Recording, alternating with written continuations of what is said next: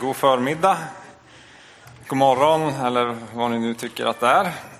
Jag heter Rickard och är pastor här i kyrkan och ska predika idag och ska då avsluta den här serien som vi har haft som handlar om att ta striden, som är från Efesierbrevet. Ni ser lite märkliga eh, detaljer på väggen här med eh, bröstsköld och bälte och svärd och skor och sånt. Och det handlar ju om den här vapenrustningen som vi har talat om.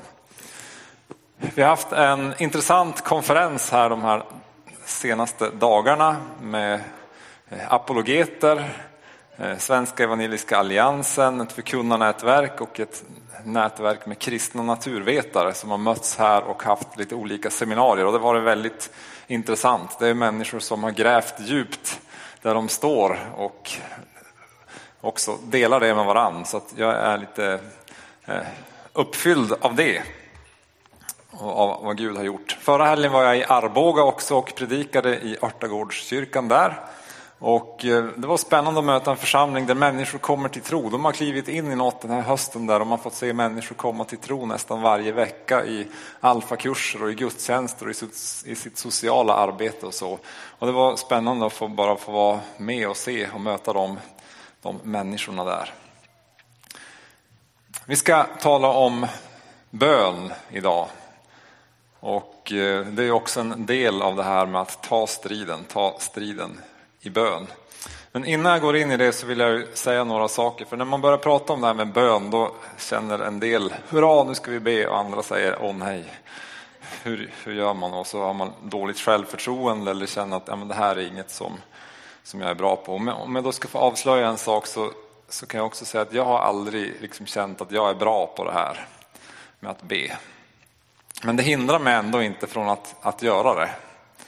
Eh, jag brukar tänka så, eh, eh, alltså när jag lagar mat hemma så brukar jag tänka att jag är inte Jamie Oliver.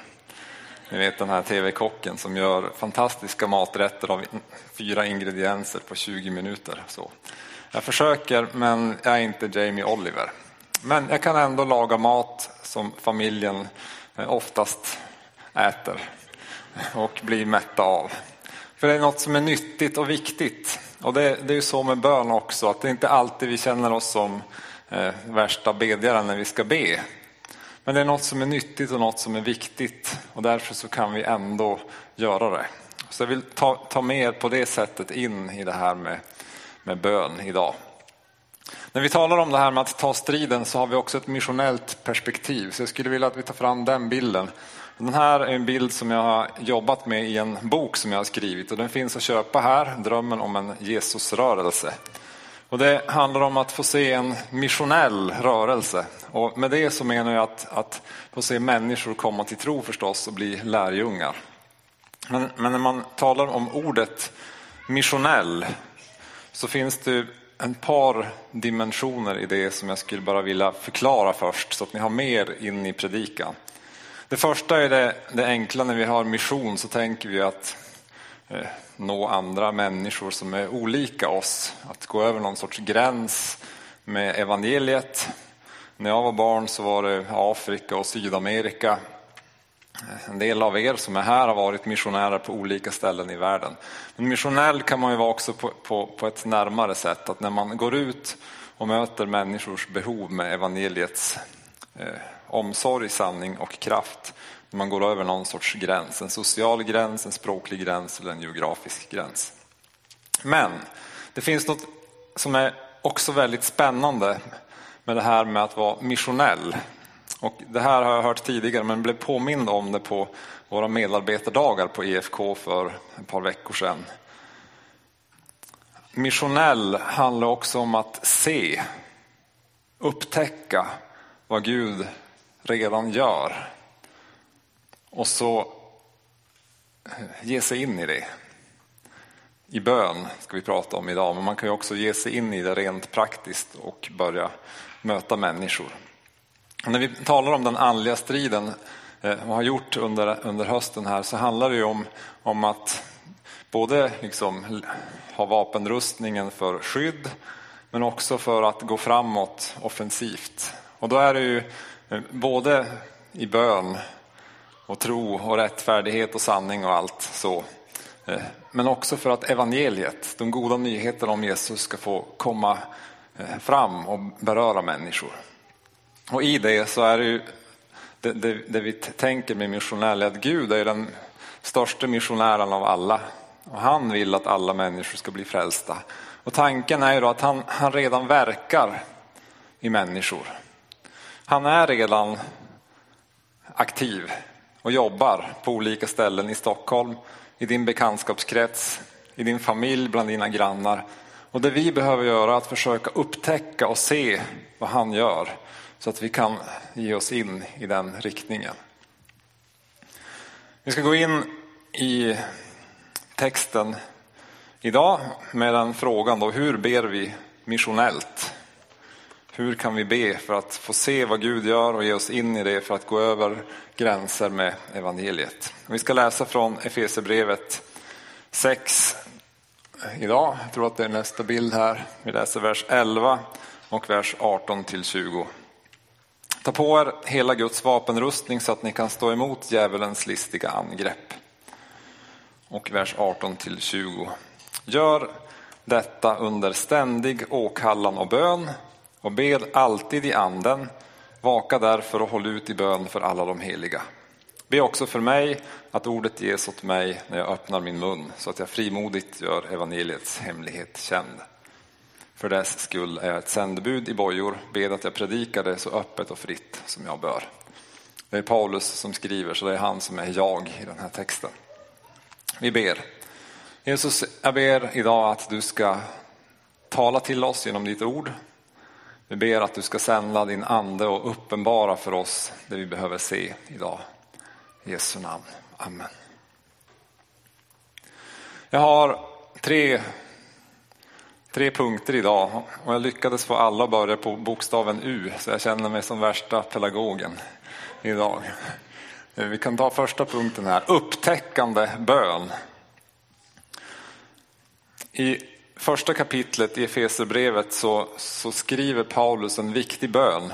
Så när han talar om bön i sjätte kapitlet som vi just har läst så, så tänker jag mig i alla fall att han kopplar tillbaks till den bön som han redan har eh, bett och visat att så här kan man be.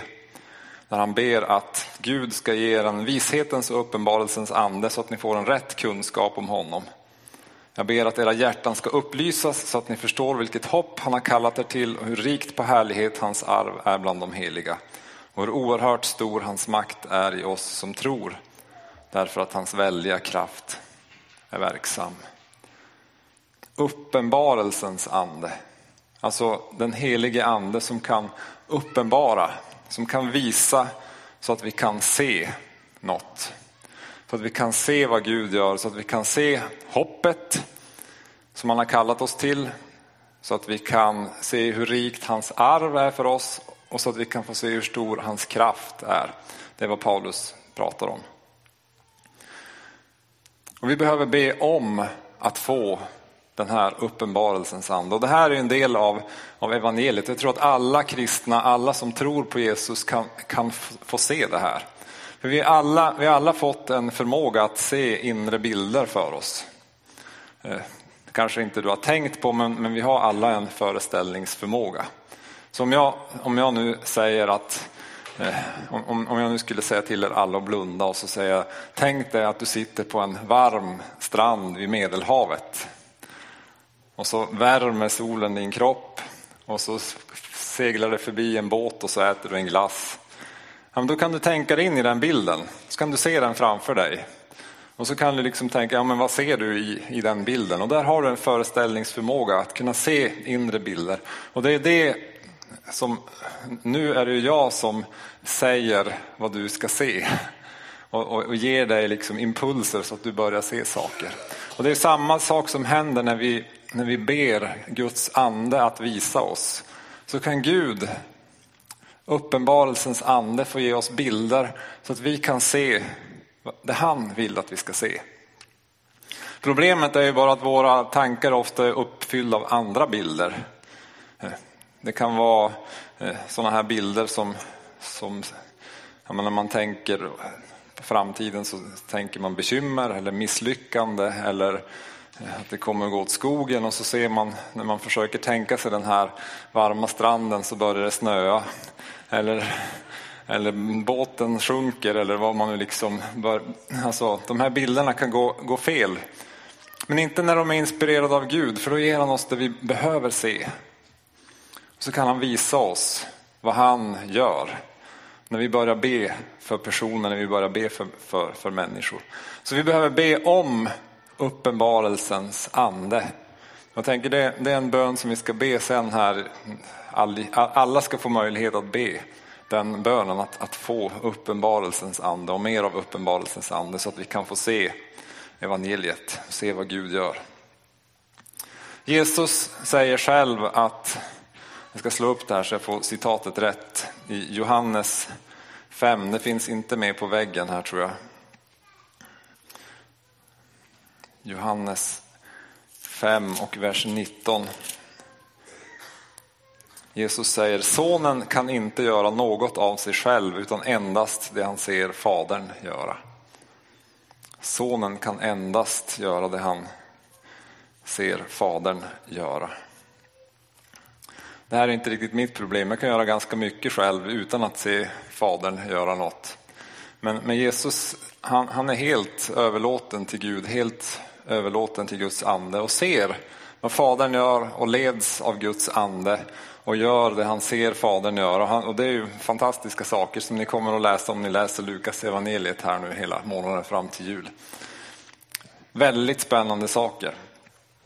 Och jag tror att vi som församling, som, som Kristi kropp, som Jesu händer och fötter här på jorden nu också behöver få se vad Fadern redan gör.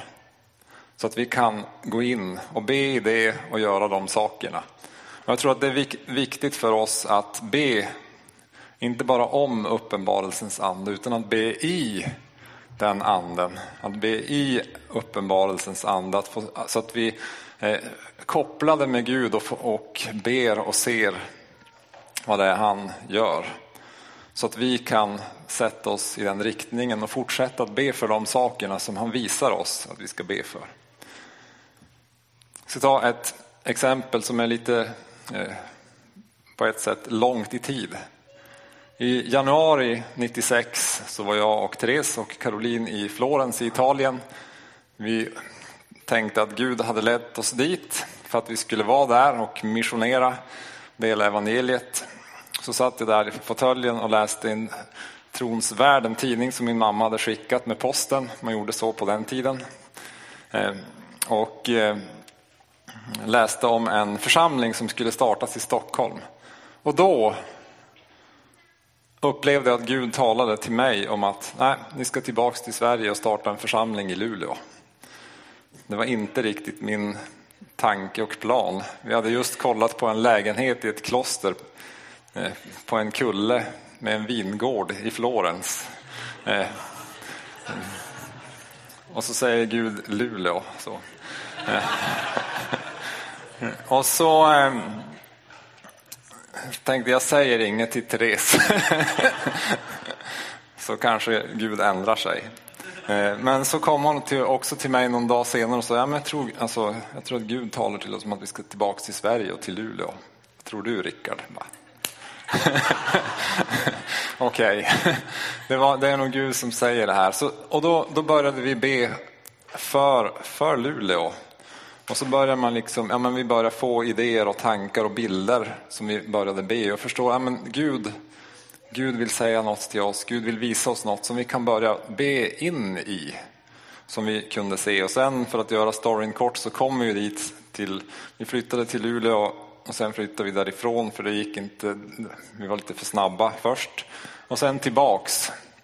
Och då hade vi också bett och frågat Gud och varit runt och kört och liksom sett att nej men det är det här området som vi ska bo, på Porsön bredvid universitetet.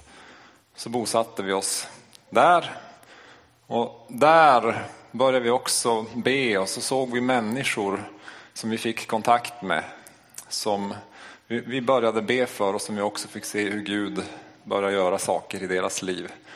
när vi liksom börjar se att ja, men Gud är redan här, Gud gör redan något. Jag började jobba på Vägverket som det hette då och precis då skulle vi också starta en alfakurs eller något år senare. Jag hade lärt känna några människor så jag bad, men vilka ska jag bjuda in? Så jag bad över det och såg några ansikten när jag bad och tänkte att jag ska försöka med dem. Och två av dem gav respons och kom på den första alfakursen. Och en av tjejerna, Tina, hon sa jag kommer bara om jag får ta med mig tre kompisar. Och det tänkte jag, okej okay då, tänkte vi. Om, om du insisterar så får de också komma. Så det här att det, det är ju, ibland är det lite långsiktigt, men när, när, vi ser något, när vi får något, när vi, när vi hör något som Gud uppenbarar för oss så behöver vi fortsätta att be i det. Och det kommer till min andra punkt som handlar om uthållig och utbredande bön. Paulus skriver här i Efesierbrevet 6 och vers 18. Gör detta under ständig åkallan och bön och be alltid i anden. Vaka därför och håll ut i bön för alla de heliga. Håll ut. Inte bara för att predikan snart är slut, men vi ska rimma lite så här, utan vi ska hålla ut i bönen, uthålligt. För ibland så visar Gud saker och vi ser saker och vi behöver börja be i det och förstå vad är det Gud gör så att vi kan komma in också i rätt tid och på rätt sätt och fortsätta att stå där och fortsätta att, att be. När vi, innan vi fick kallelsen hit till Korskyrkan så hade vi börjat be för, för Stockholm. Och eh, när vi bad för Stockholm så ja, men, började jag liksom se och förstå att det handlar om rörelse det handlar om att få se många människor bli berörda av evangeliet. Och ett, en, jag kommer precis ihåg för att det var liksom på ett oväntat ställe som, som jag upplevde också att Gud talade till mig om att, om att nå förorterna från centrum. Så, så det är något som, som jag har bett och, och vi har bett. Och det är liksom intressant och sen att efter det få, få kallelse till, till en församling som är i centrum som också vill leva med vardagstro och nå ut i olika för, förorter. Och vi har ju tagit missionella initiativ bland annat i Tensta och i Rönninge som är lite mera utåt. Men att Gud gav den bilden att få be i och börja arbeta för också uthålligt och utbredande. Att hålla ut. Och här skriver Paulus att, att, att be för alla de heliga. Håll ut i bön för alla de heliga. Vi behöver be för varann. Vi behöver be om beskydd över varann. Det är nog kanske den bön som jag oftast ber när jag ber för församlingen, att be om beskydd över det Gud gör, be om beskydd över oss så att vi kan hålla ut, så att vi kan vara frimodiga, att det inte ska hända oss några olyckor eller något annat jobbigt utan att Gud får ge oss beskydd och kraft i det vi står i. Och det, det är en sån bön som vi behöver be tillsammans för varann. Och sen säger Paulus, be också för mig så att, så att jag kan vara frimodig när jag predikar evangeliet. Vi behöver också be för varann och framförallt för de som är ute i våra missionella initiativ och möter människor. Att de får vara frimodiga att predika, att berätta om Jesus, att få dela de goda nyheterna med människor där de är. Så det är en viktig bön att be om beskydd och att be om att evangeliet får förkunnas med kraft. Utbredande bön också. Det här är något som Jesus lär oss att be i, i, i bönen Vår Fader. I Matteus 6 och 10 så säger, lär Jesus oss att be Låt ditt rike komma. Låt din vilja ske på jorden som i himlen. Det är ju lätt att man bara ber det för att man har lärt sig att man ska be så, så tänker man inte så mycket på det. Men, men det här är en väldigt offensiv bön. En utbredande bön. Låt ditt rike komma. När vi tillber Jesus här i kyrkan på söndagarna, vi lovsjunger Jesus, så handlar det mycket om att, att vi vill upphöja Jesus som, som Herre, som kung, att hans rike ska komma, att hans vilja ska ske. Eh, vi sjunger ut att han är god och att, vem han är. Och det, det är ett sätt för oss att, eh, att också be, fast med musik, att riket ska få komma. Att han ska få bli synlig, att han ska få bli ärad och upphöjd. Så att också här, den här stan ska få bli berörd av, av hans rikes kraft. Under åren i Luleå så sjöng vi eh, Låt ditt rike komma, låt din vilja ske. Eh, vi sjöng Låt oss få känna ditt rikes underbara doft här och nu. Och det kan ju kännas, ja, men det är lite så här softa och sköna bibelkörer, men det är oerhört offensiv i att eh, sjunga ut de orden och be ut de orden. För, för det inbjuder Jesus att komma in i min situation. Det inbjuder Jesus in i det vi ber in, i det vi ser, där Gud redan håller på att verka, men så bjuder in Jesus ännu mer. Det ger utrymme för Jesus att sända sina änglar in i den platsen där, behöver, där de behöver få komma åt. Och jag tror också att det utrustar oss som är hans barn att eh, gå med, med rikets kraft och kärlek till de människor som vi möter omkring oss och, och in på de områden som vi ser och som Gud leder oss in i. När jag talar om offensiv bön så, så talar jag inte i första hand om att härja med andemakterna i himlarymderna. Utan jag talar om att inbjuda Jesus så att hans himmelska vilja ska få ske här på jorden. Det är så Jesus lär oss att be. Jesus lär oss att vi kan kasta ut eh, onda andar och, och, och, sånt ur människor som vi möter och komma med frihet på det sättet. Men när vi ber, ber för en plats eller för ett område så ber vi till Jesus. Låt ditt rike komma. Vi ber till Fadern. Eh, kom, kom med riket, kom med din vilja. Och det är den absolut bästa bönen som vi kan be på det sättet. Så vi behöver be på det viset då också in i det vi ser. In i de visioner och drömmar och tankar och bilder som, som Gud har gett oss. Låt riket komma. För att det här ska bli praktiskt så tror jag också att man behöver tänka att man, ja men det hand, eh, bön handlar ju om, precis som matlagning, om eh, tidpunkter, eh, plats och eh, nödvändighet på något sätt. Och eftersom jag vet att jag måste äta varje dag, eller vi som familj, för jag ska säga det är inte jag som lagar maten oftast hemma, men det händer.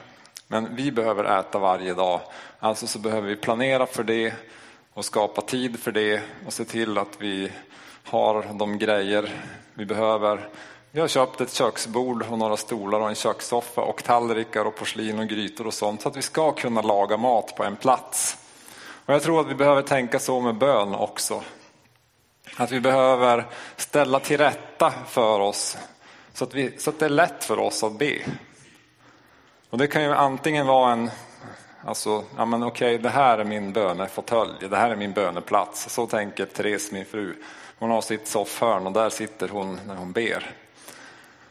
Eh, jag behöver ju röra på mig för att jag eh, blir för disträ om jag sitter still. Så jag har ju gått samma runda här runt kvarteret typ varje dag i fyra år. Eh, det är min, det är min böneplats. Eh, ibland går jag åt andra hållet för att få lite omväxling.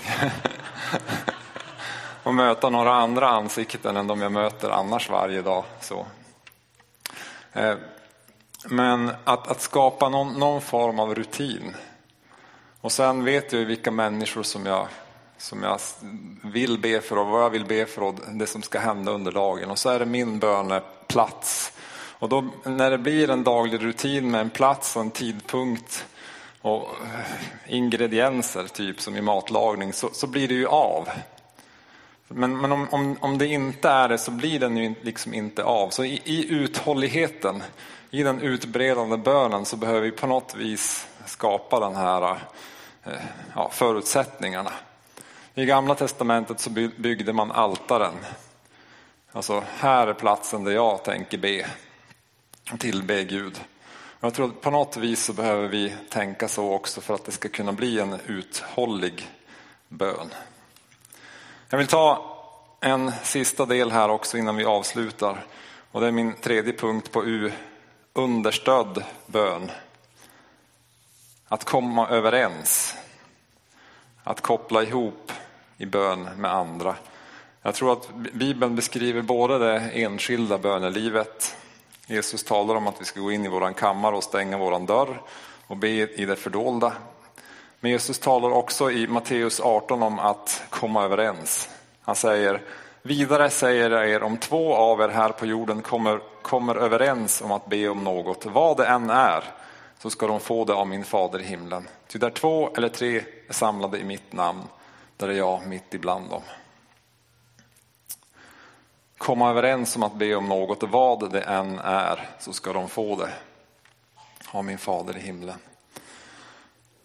Det här tror jag är något som vi behöver ta vara på. Framförallt när vi liksom, det känns som att vi, eh, ja, men vi, vi stångas mot något stort. Eller om vi tänker på Stockholm eller vi tänker på Rönning eller tänker på Tensta eller bara på den här delen av, av Stockholm där vi finns och så tänker vi att vi vill se evangeliet nå ut här. Det är klart att min egen bön gör skillnad. Men när vi kopplar ihop tillsammans. Eh, jag kan, eh, skulle kunna berätta må, många saker, men jag ska inte ta tid med det. Men, men när jag och Therese har bestämt att nu ber vi för den här situationen tillsammans och kommer överens om det.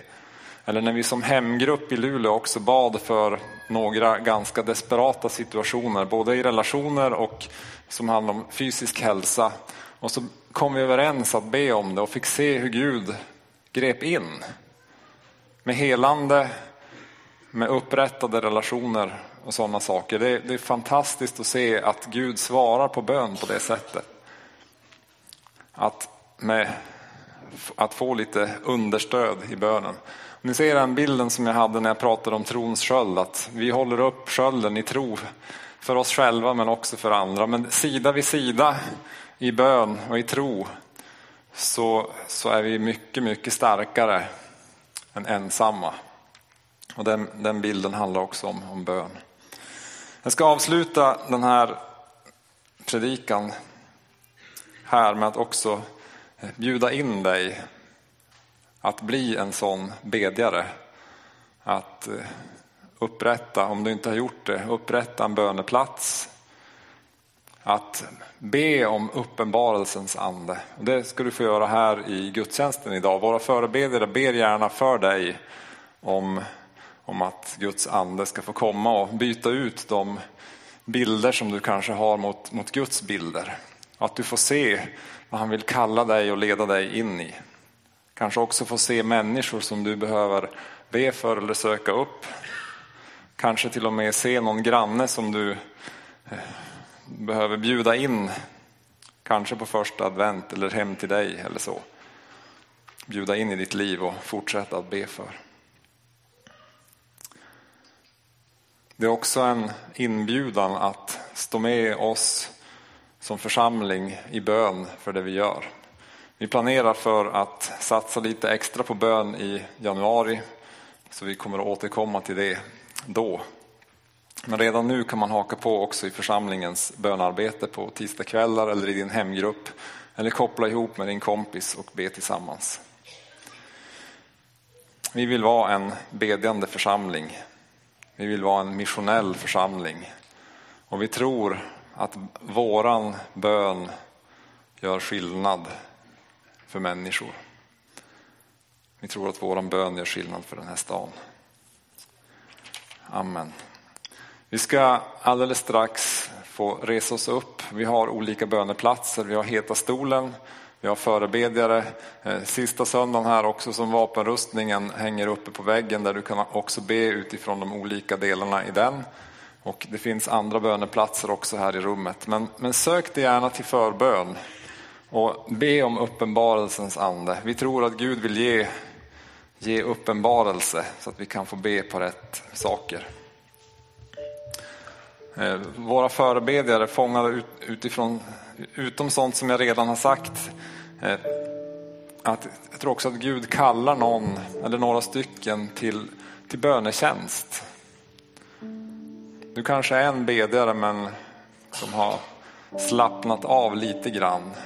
Att Gud kallar dig till, till tjänst i bön. Och ge gärna respons på det och sök upp någon förebedjare eller mig så kan vi be tillsammans och så kan vi prata om det.